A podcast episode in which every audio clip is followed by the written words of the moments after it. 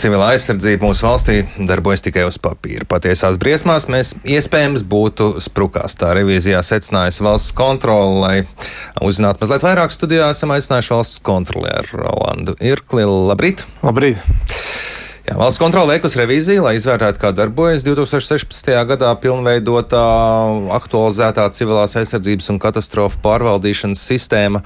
Um, diemžēl revīzijas secinājumi kopumā negatīvi. Ko secinājāt revīzijā? Nu, faktiski mēs revīzijā secinājām, ka ir problēmas visos līmeņos. Gan to, kā ir uzbūvēta pati sistēma, kāds ir šis pārvaldības modelis, gan arī to, kā tas tiek realizēts. Proti, kā notiek plānošana un kā šie plāni tiek realizēti.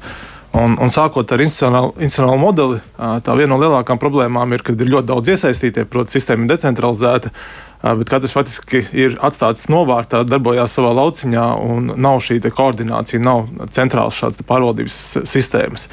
Kā rezultātā mēs redzējām, piemēram, Covid krīzes laikā, kad pēc būtības pandēmija ir uzticēta veselības ministrijai, bet veselības ministrijai nav nekādas iespējas koordinēties vai dot pilnvaras, dot uzdevumus kādām citām institūcijām. Tā rezultātā faktiski tika veidot sistēma no nulles, radīts pilnīgi jaunas struktūra vienības, jauni, jauni pārvaldības modeļi, lai tiktu galā ar konkrēto krīzi. Un, bet tie netika atrasti?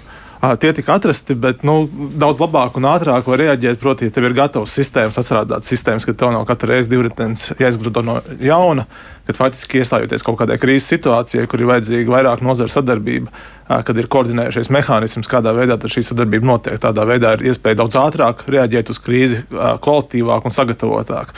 Un no institūciju viedokļa mēs arī redzam, ka nu, nav atvēlēti pietiekami cilvēku resursi, lai šādas krīzes pārvaldītu. Faktiski ir viens cilvēks iekšlietu ministrijā, kurš ir atbildīgs par, par koordināciju, kas ir tas sekretariāts. Pārējās institūcijās faktiski šiem ir cilvēki, kur ikdienā veic citas darba pienākumus, un šis ir viņa kaut kāds nu, pastarpināts pienākums rūpēties arī par šo cilvēku aizsardzības sistēmu un jautājumiem. Un tā rezultātā, kad iestājās krīze, tad faktiski šie cilvēki nav gatavi krīzē strādāt, nav gatavi krīzē pieņemt lēmumus, reaģēt, darboties. Un, un tur mēs pienā, nonākam pie nākamā jautājuma par to, kādi ir plāni un kāda ir šo plānu realizācija.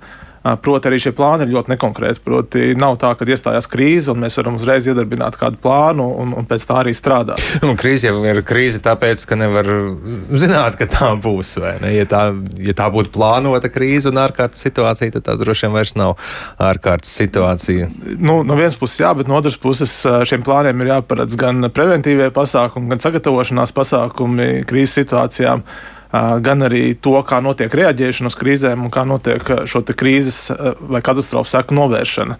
Un tajos plānos var diezgan labi paredzēt gan pasākums, lai, lai preventīvi novērstu kaut kādas krīzes, lai, lai tām labāk sagatavotos, un arī kādi ir reaģēšanas mehānismi tajā brīdī, kad šī krīze iestājas.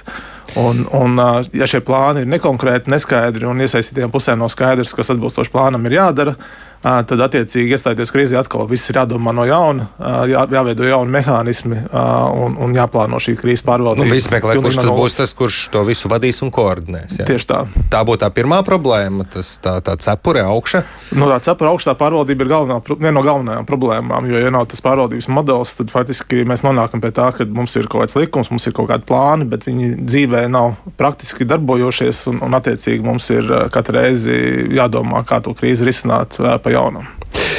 Bet jūs minētie šie plāni un papīri, jūs esat vispārīgi nekonkrēti, tad tie arī īsti nedara, vai tas, kas ir uz papīra, neatbilst tam, kas ir dzīvē? Uh, nu, plāniem vajadzētu būt konkrētākiem, jo, nu, teiksim, ja nu, viena institūcija uzticēs rūpēties par energo jautājumiem, ja, tad nevar vienkārši ar vienu, vienu frāzi, vienu teikumu ierakstīt plānā, nu, kad viņai tas ir pienākums, viņi to dara pastāvīgi. Uh, tur nav nekādas konkretizācijas, nav skaidrs īsti, ko šai institūcijai nu, pēc būtības ir jādara. Un, un nav arī neviens, kas seko līdzi pēc tam, vai šis plāns tiek realizēts. Proti, plāns ir uzrakstīts, bet nav neviena atbildīgā, kurš tad skatītos par to, vai valsts civilās aizsardzības plāns tiek realizēts.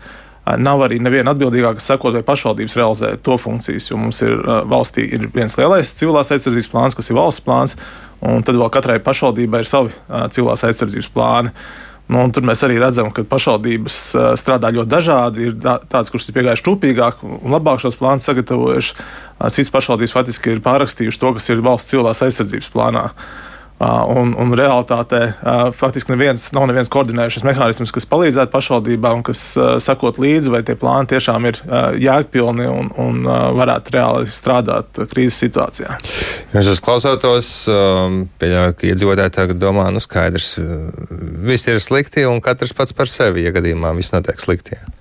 Nu, nu, šobrīd ir zināmi uzlabojumi sākušies īpaši pēc uh, Krievijas iebrukuma Ukrajinā. Mēs redzam, ka uh, institūcijas ir sarosījušās, mēs redzam, ka tiek izstrādāti papildus normatīvie akti, kad uh, ir paredzēts arī šos plānus pilnveidot. Tā kā šobrīd ir sākusies kustība pareizajā virzienā, bet nu, šobrīd, kad mēs esam noslēguši revīziju, lielākā daļa no šiem normatīviem aktiem vēl nav pieņemti, līdz ar to tādu pozitīvu atzinumu par šiem jautājumiem mēs vēl sniegt arī nevaram. Kas pietrūks, kas ir tie jūsu ieteikumi, kas tad būtu jādara sākot ar valdības un beidzot ar pašvaldību vai varbūt pat individuālu iedzīvotāju līmeni? Nu, pirmais būtu jāpārskata tas institucionālais modelis. Proti, decentralizētais modelis nav slikts, bet uh, vajadzētu būt, kad ir skaidrāk šie sadarbības mehānismi definēti, ir arī kāda koordinējoša institūcija. Mēs diezgan drosmīgi arī iesakām, ka ir jāstiprina šī koordinējoša institūcija. Un tur labs piemērs ir Lielbritānija, kurā šāds sekretariāts ir tieši zem valdības. Uh, Un tad arī tie, viņi nodarbojās gan ar lielu mērogu plānošanu, gan arī lielu mērogu krīžu koordinētu vadīšanu. Tad nākamais līmenis ir pilnveidot šo plānošanas procesu, lai plāni būtu konkrētāk, skaidrākiem uzdevumiem, noteiktiem termiņiem. Šobrīd ļoti daudziem uzdevumiem vai pasākumiem nav vispār nekāda termiņa, un arī nodrošināt, ka šie plāni tiek uzraudzīti. Un vēl kas ir ārkārtīgi būtiski, ir nepieciešams arī regulāri veikt mācības. Un, diemžēl pēdējās civilās aizsardzības mācības Latvijā ir bijušas tikai 2016. gadā valsts, valsts mēroga civilās aizsardzības mācības.